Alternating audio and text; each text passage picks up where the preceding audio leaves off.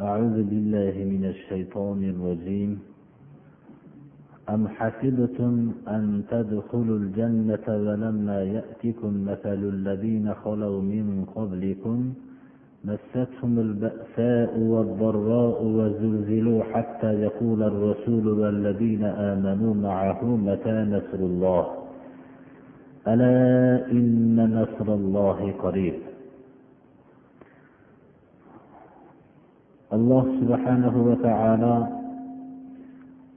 avvalgi oyatlarda mo'minlar o'zlarining voqeliklarida ixtilof mashaqqatlarini va mushriklardan ahli kitoblardan iborat bo'lgan dushmanlari bilan bo'lgan qiyinchiliklarni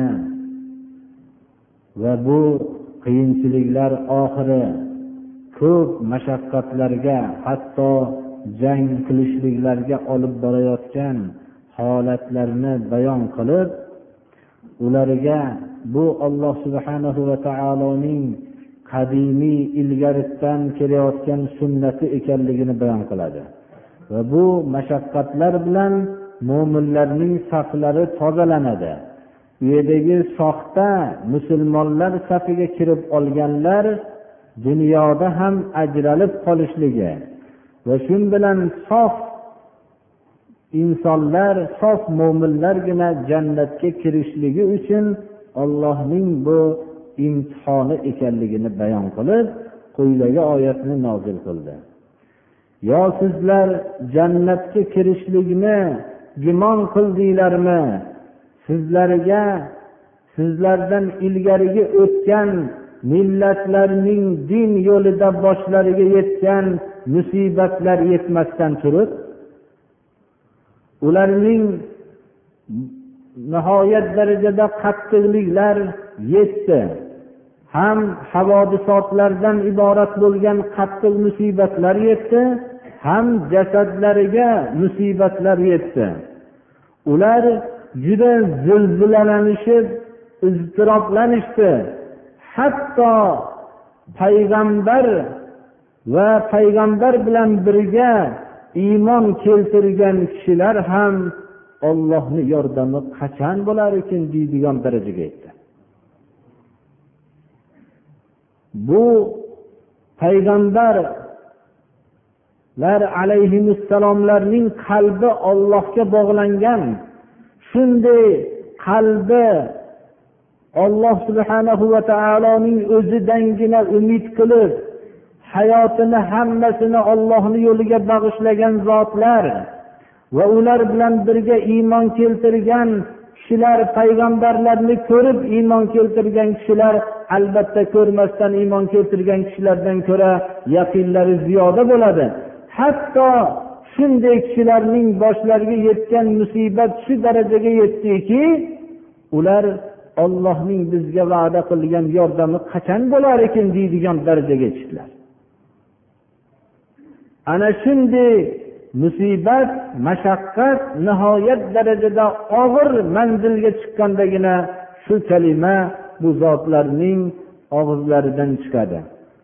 Alloh subhanahu va taolo ollohni nusrati yordami yaqin deb e'lon qilyapti. Demak payg'ambarlar ularga iymon keltirgan kishilar har qancha boshlariga musibat tushgan vaqtda ham nusratni ollohni nusratidan boshqa nusrat yo'q deb e'tiqodlarini o'zgartirishmaganlar. Ollohni yordami qachon bo'ladi deyishganlar shuncha iztiroblanganda ham boshqalardan yordamni kutishmagan ekanlar. Ana shunday manzilga chiqqanda qalblar faqat ollohni o'ziga bog'langanda ollohning yordami yaqin ekanligini bayon qilyapti alloh taolo.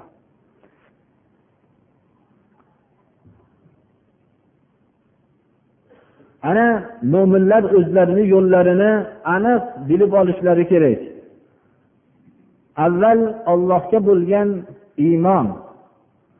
Shu iymon yo'lida kurash va iymon yo'lida kurashgandan keyin mehnat mashaqqatlar va bu mehnat mashaqqatlarga sabr va matonat bilan turishlik va shunday og'ir musibatlar boshiga tushganda ollohni o'ziga yo'nalish ollohni o'ziga yolborish keyin ollohning g'alabasi keladi keyin oxiratdagi jannat mukofoti keladi mana birodarlar mo'minlar o'zlarini yo'llaridagi belgilarini aniq bir ko'rib olishlari kerak ana يسألونك ماذا ينفقون قل ما أنفقتم من خير فللوالدين والأقربين واليتامى والمساكين وابن السبيل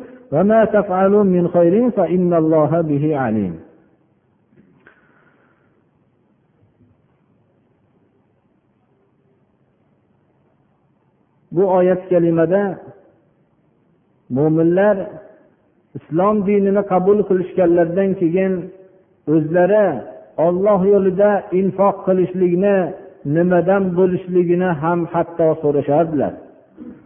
Bu savol yuqori oyatlarda aytib o'tganimizdek ilgari kishilar islomni qabul qilishliklaridan ilgari mol davlat o'zimizniki xohlaganimizdaqa sarf qilaveramiz deyishgan bo'lsalar bu yerda nima narsalarni infoq qilishlikni ham hatto so'rashib infoq qilishganliklariga dalolat qiladi. Endi ular har bir narsani ollohni hukmiga muvofiq bo'lishligini hayotlarida shu holatni paydo qilishlikka harakat qilishganlar. Mana bu oyatda nimani infoq qilishlikni so'rashadilar. Javob sizlar infoq qilgan narsa yaxshilik doim. Ya'ni sarflangan narsani nima ekanligini so'ralishligidan ko'ra kimlarga sarf qilishlikni bilmoqlik kerak. Sarflanadigan narsalar yaxshilik albatta. Sizlar sarf qilgan yaxshilik birinchi ota onalarga yaqin qarindoshlarga yetimlarga miskinlarga musofirlarga.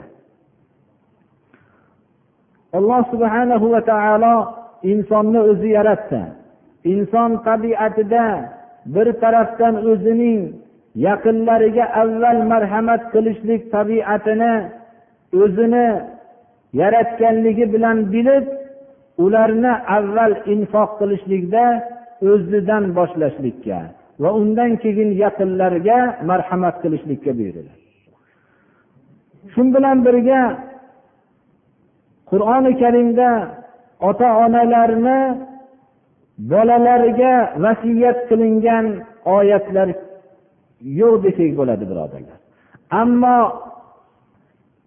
insonni ota onasiga yaxshilik qilishlikka bo'lgan buyruq takror takror keladi.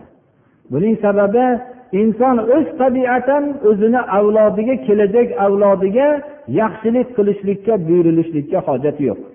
Inson mashaqqat chekib qiynalib topib o'zining farzandlariga yedirib kiydirib rohatlanib o'tiradi.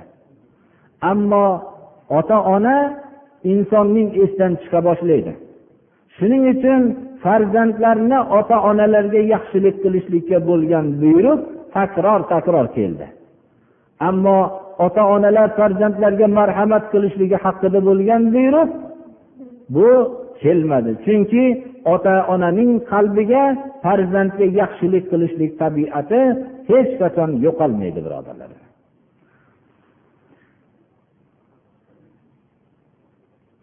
hadis shariflarda birinchi o'zidan boshlashligini ifodalovchi hadis shariflar ko'p bismillahi rohmanir rohim خير الصدقة ما كان عن ظهر غنى واليد العليا خير من اليد السفلى وابدأ بمن تعول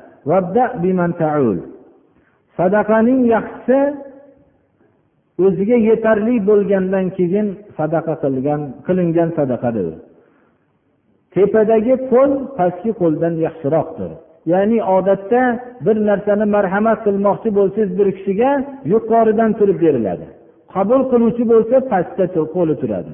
Shuning uchun yuqoridagi qo'l ya'ni beruvchi qo'l pastki oluvchi qo'ldan afzalroqdir deyaptilar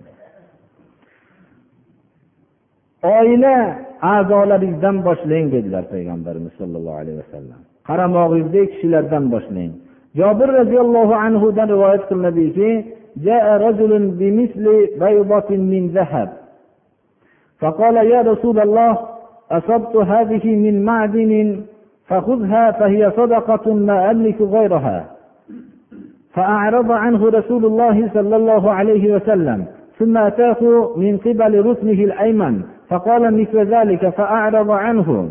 فأتاه من قبل ركنه الأيسر فقال مثل ذلك فأعرض عنه. ثم أتاه من خلفه فقال مثل ذلك فأخذها رسول صلى الله عليه وسلم فحذفها فحذفه بها. فلو أصابته لأوجعته. وقال يأتي أحدكم بما يملك فيقول هذه صدقة ثم يقعد يتكفف الناس خير الصدقة ما كان عن ظهر غنى bir kishi tuxumga o'xshagan kattaligi tuxumcha bo'lgan bir oltinni olib keldi yo rasululloh buni kondan topdim buni oling bundan boshqa mulkimda hech narsa yo'q Shuni ollohni yo'lida sadaqa qildim dedilar. Payg'ambarimiz sollallohu alayhi vasallam yuzlarini o'girdilar. Bu kishi o'ng tarafidan kelib shu so'zni aytdilar. Bu tarafdan ham yuzlarini tortib oldilar. Chap tarafdan keldi. Bu shu so'zni yana takrorladi. Payg'ambarimiz sollallohu alayhi vasallam yuzlarini o'girib oldilar. Keyin orqa tarafdan keldi. Xuddi shu so'zni aytdi payg'ambarimiz sollallohu alayhi vasallam. U bergan xuncha bo'lgan oltinni oldilarda u oltinni shu odamga qarab uloqtirdilar. Agar u oltin tekkanda alamlantirardi. Aytdilarki sizlarni bittalaringlar bor mulkini meni oldimga olib keladida bu sadaqa deydida keyin odamlardan bir narsa so'rab yuradi dedilar. Sadaqaning yaxshisi o'ziga yetarli bo'lgandan keyin birovga berishlik dedilar. Ana o'zlaridagi bor narsani birinchi o'zining qaramog'idagi kishilarni tarbiya qilishlikka sarf qilishlikka targ'ib qildilar ana bu yerda islom bu yerda ta'lim beryaptiki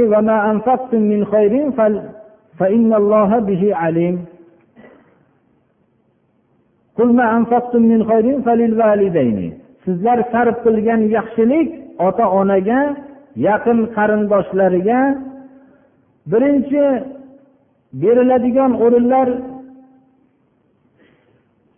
infoq qiluvchi bilan infoq qilinuvchini ya'ni asab tarafdan bog'lab turadigan ota onalik tug'ishganlik bog'lab turibdi. Ikkinchi tarafni bo'lsa qorindoshlik ya'ni bir qorindan tushganlik yaqinlar. Uchinchi tarafdagi kishilarni bilan infoq qiluvchi kishini rahmat vositasi bog'lab turibdi yetimlarni. Yetimlar bilan infoq qiluvchilarning o'rtasini bog'lab turgan narsa rahmat vositasidir. Uchinchi to'rtinchi qism bo'lsa miskinlar ham rahmatni bog'lab turibdi. Musofirlarni ham shunday. Musofirlarni davlati boru lekin o'zi bilan birga yo'q. Ana bunga rahmdillik vositasi bog'lab turib sarf qilishlikka targ'ib qilyapti.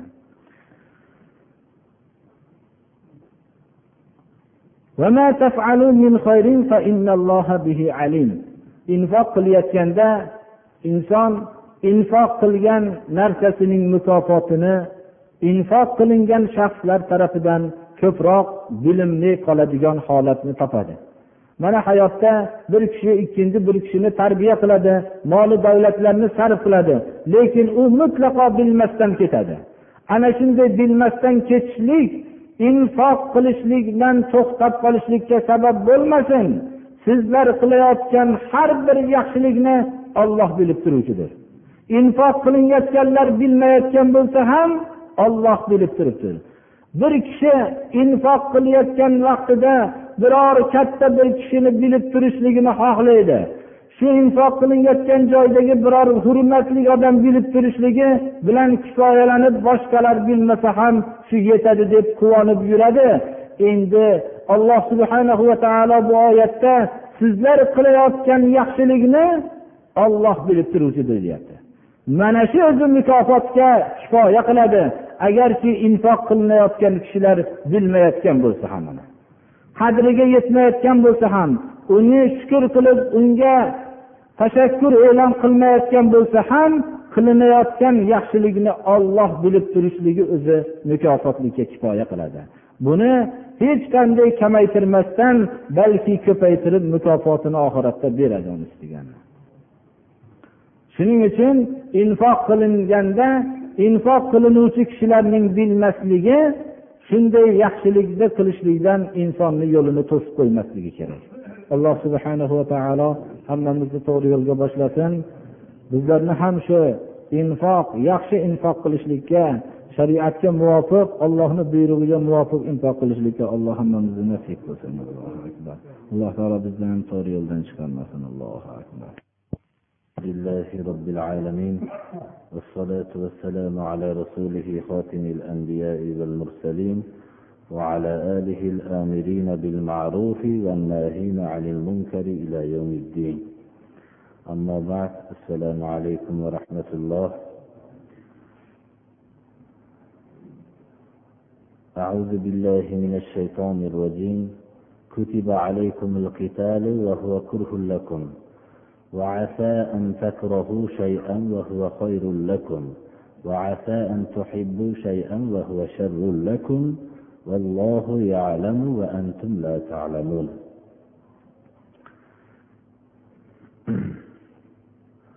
الله سبحانه وتعالى من أبو آيتك الله يولد جنك لنشلقنا حرف لنجلقنا بيان قليلتك farz qilinishlik bilan birga alloh taolo bandalarga bu mashaqqatli bo'lib ularning tabiatlariga jang vazifalarining og'ir ekanligini ham e'lon qilyapti. Lekin shu bilan birga inson tabiatiga og'ir tuyulib malollik ko'rilingan narsalarning ko'pchiligi insonning o'ziga manfaatli bo'lib turib ana shunday ko'rinishligi mumkinligini ba'zi narsalarning inson hayotida o'ziga yoqimli yaxshi ko'rilingan ko'rinib turib insonning vujudiga hayotiga zararli ekanligini bayon qilib insonga manfaatli bo'lgan narsalarni zararli bo'lgan narsalarni insonni yaratuvchi bo'lgan olloh bilishligini insonlar bilmasligini bayon qilinyapti.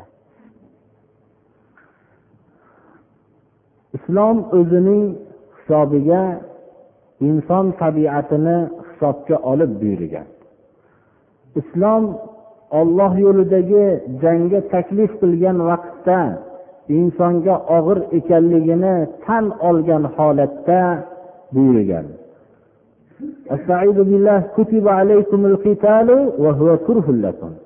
Bu sizlarga yoqimsiz og'ir mashaqqat bo'lgan holatda sizlarga olloh yo'lida jang qilinishlik farz qilindi. Sizlar o'zinglarga og'ir bo'lganligini hisobga olib bu narsani o'zinglarga zarar deb gumon qilmanglar. Mumkinki sizlar bir narsalarni yomon ko'rib o'zinglarga yoqimsiz ko'rarsizlar vaholanki bu narsa o'zinglarga manfaatli bo'lib turib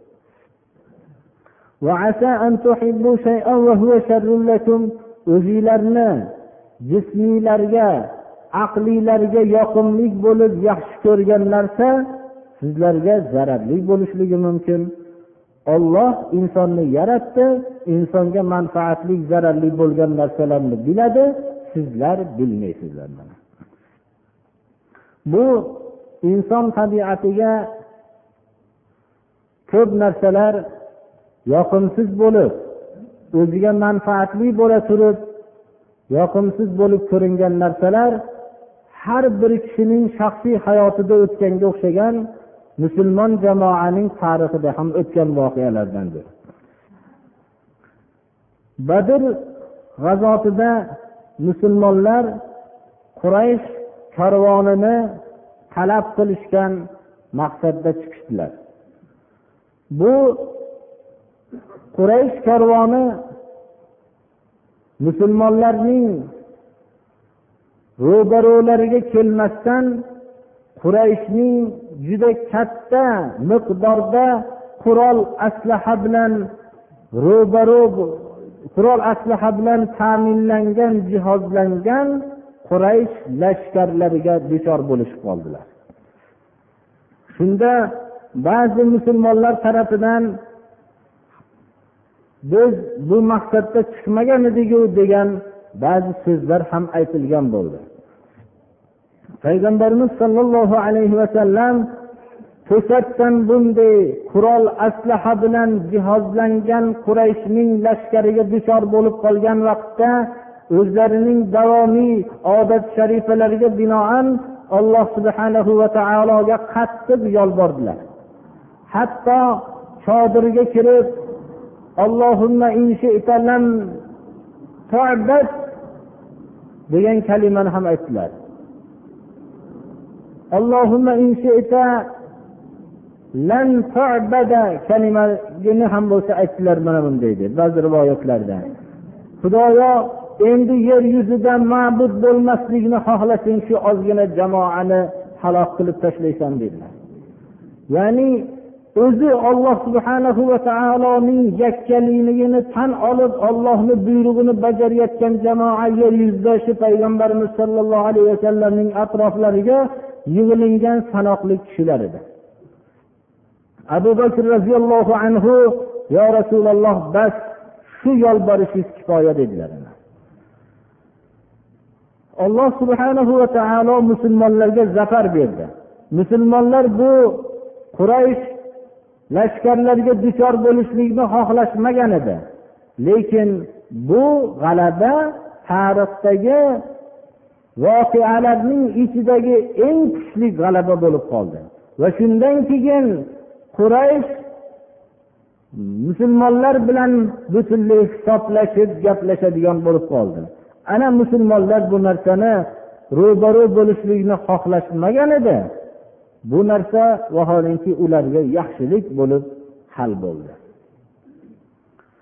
shunga o'xshagan har bir kishining shaxsiy hayotida ko'p narsalarni xohlamaydi bu narsa unga manfaatli bo'lib chiqadi ko'p narsalarni maqsad qilib yaxshi ko'rib shu narsa bo'lsin deydi lekin u narsa bunga zararli bo'ladi olloh biladi sizlar bilmaysizlar يسألونك عن الشهر الحرام قتال فيه قل قتال فيه كبير وصد عن سبيل الله وكفر به والمسجد الحرام وإخراج أهله منه أكبر عند الله والفتنة أكبر من القتل.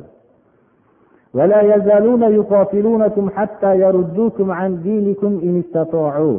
ومن يرتد منكم عن دينه فيمت وهو كافر فأولئك حبطت أعمالهم في الدنيا والآخرة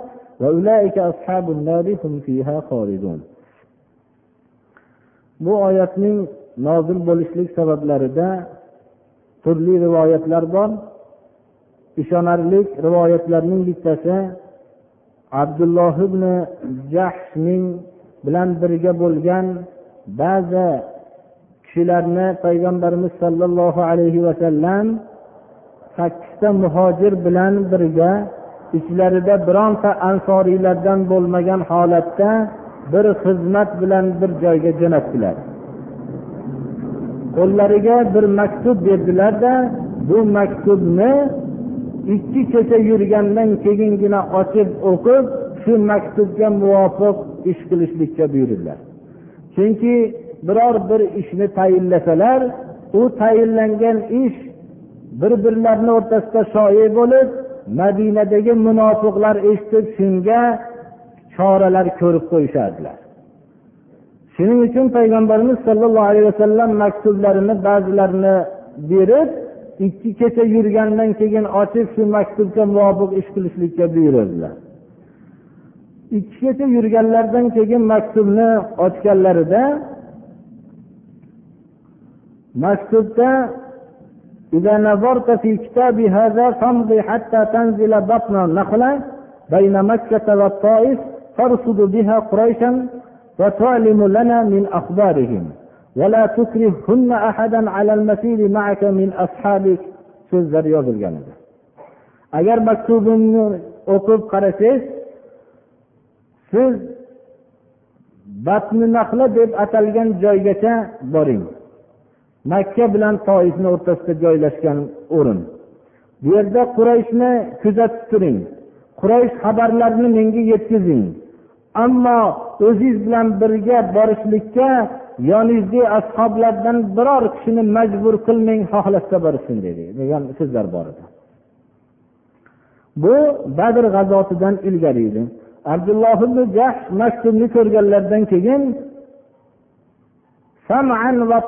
deb payg'ambarimiz sollallohu alayhi vasallamning buyruqlarini ijro qilishlikka kirishdilar. Va ashoblarga aytdilarki rasululloh sollallohu alayhi vasallam batni naqlaga borishlikka meni buyuribdilar. Bu yerda aytilgan maktubni xizmatini bajarib kelaman. Biror bir kishini men majbur qilishlikdan meni qaytaribdilar. Kim shahid bo'lishlikni xohlasa shahidlikka rag'bat qilsa men bilan yursin xohlamaganlar qaytsin shu yerda tursin dedilar. Men rasululloh sollallohu alayhi vasallamning buyruqlarini ijro qilishlik uchun ketdim dedilar. U kishilar bilan birga hamma ashoblar birga ketishdilar. Biror kishi qolmadilar. Yo'lda hijozga yetib kelganlarida sad ibn abi vaqqos bilan utbat ibn g'azvon ismli ikki sahoba tuyalarini yo'qotib qo'yishdilar. Abdulloh ibn jahshning jamoasidan orqada qolishdilar tuya istashlik ishi bilan. Shunda qolgan olti kishi abdulloh ibn jahsh bilan birga ketdilar.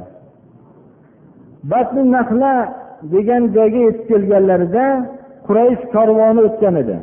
Buni ichida amr ibn habraniy va uch kishi bor edi. Bular hujum qildi musulmonlarga.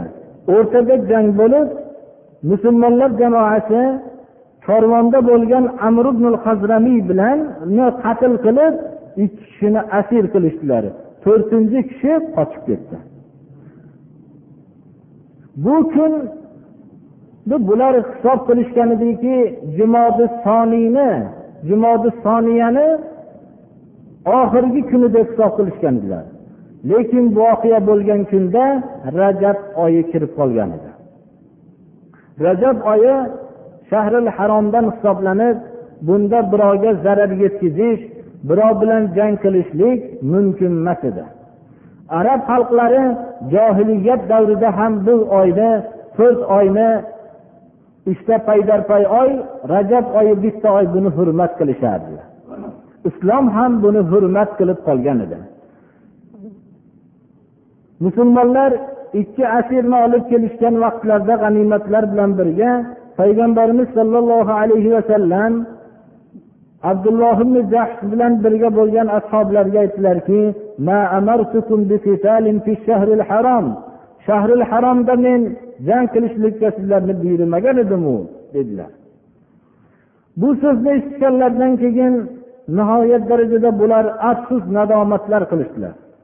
Endi biz noto'g'ri ish qilibmiz deb nadomat qilishib turganlarida ashoblar tarafidan ham ularga sarzanish bildirildi. Bular juda hijolatlikda qolishdi. Quraysh odatdagi nag'orasini cholib muhammad va ashoblari endi shahril haromda ham jang qilishlikni boshladi degan nag'orani cholishdi. Qon to'kishdi mollarni olishdi odamlarni asir qildi bu oyda bu oyni hurmatini ham yo'qotishlikni boshladi dedi. Yahudiylar bu voqeadan foydalanishib butun bo'xtonlarni atroflarga tarqatishdi. Musulmonlar juda hijolatlikda qolishdi. Shunda shu oyat kalima nozil bo'ldi.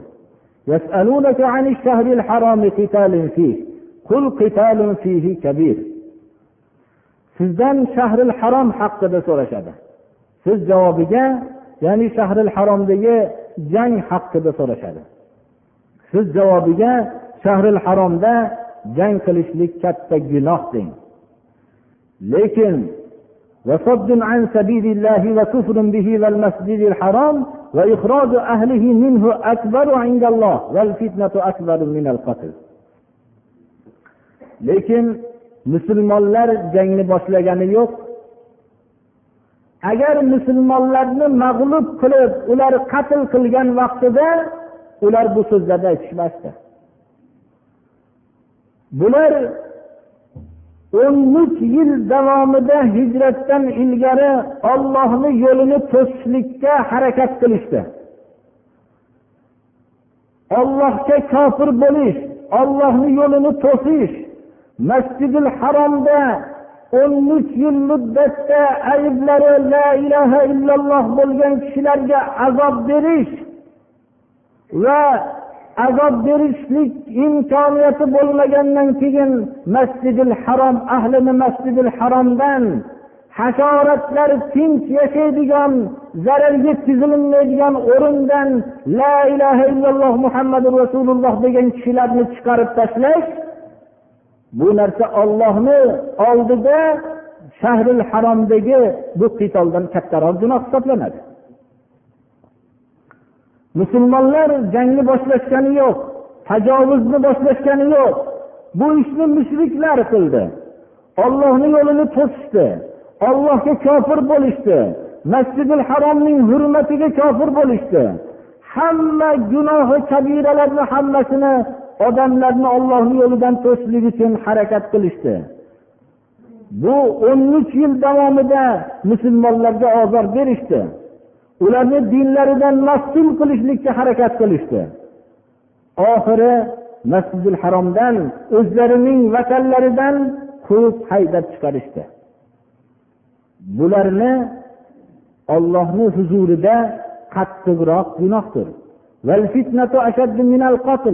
Odamlarni dinidan maftun qilib dinidan qaytarishlikka harakat qilishlik bu odamni qatl qilishlikdan ko'ra qattiqroq narsadir.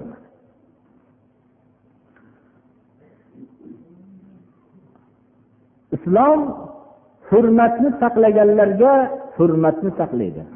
Masjidil haromning hurmatini bilganlarni hurmatini qiladi.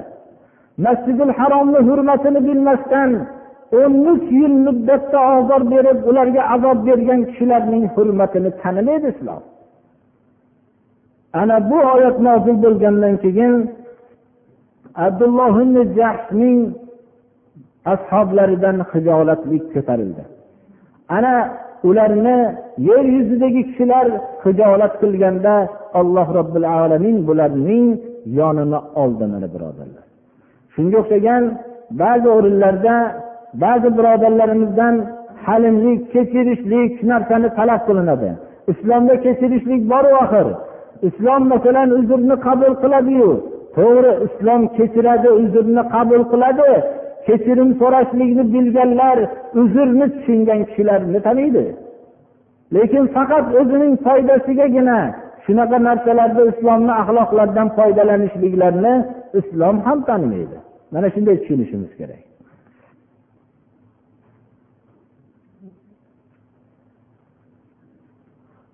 ولا يزالون يقاتلونكم حتى يردوكم عن دينكم إن استطاعوا dinsizlarning tabiati sizlar bilan to'xtalmasdan jang qiladi. Ular qurollar bilan jang qilishadi ma'naviy qurollar bilan jang qilishadi. Maqsadlari mushriklar turli bo'lishligiga qaramasdan hammalarining maqsadlari sizlarni diniylardan qaytarishlik maqsadida bir mushtarak bo'lishadi ular agar shunga qodir bo'lishsalar alloh ularni qodir qilmasin. ومن يرتد منكم عن دينه فيمت وهو كافر فأولئك حبطت أعمالكم في الدنيا والآخرة musulmon kishi har qanday azob har qanday uqubatni dini yo'lida tortgan bo'lsa ham uqubat haddidan oshgan vaqtida dilini mustahkam qilib tiliga kalima kufrni olishligi mumkin ammo vafot topib ketadigan vaqtlarda kalimai kufrni og'ziga olishlik mumkin emasdir birodarlar.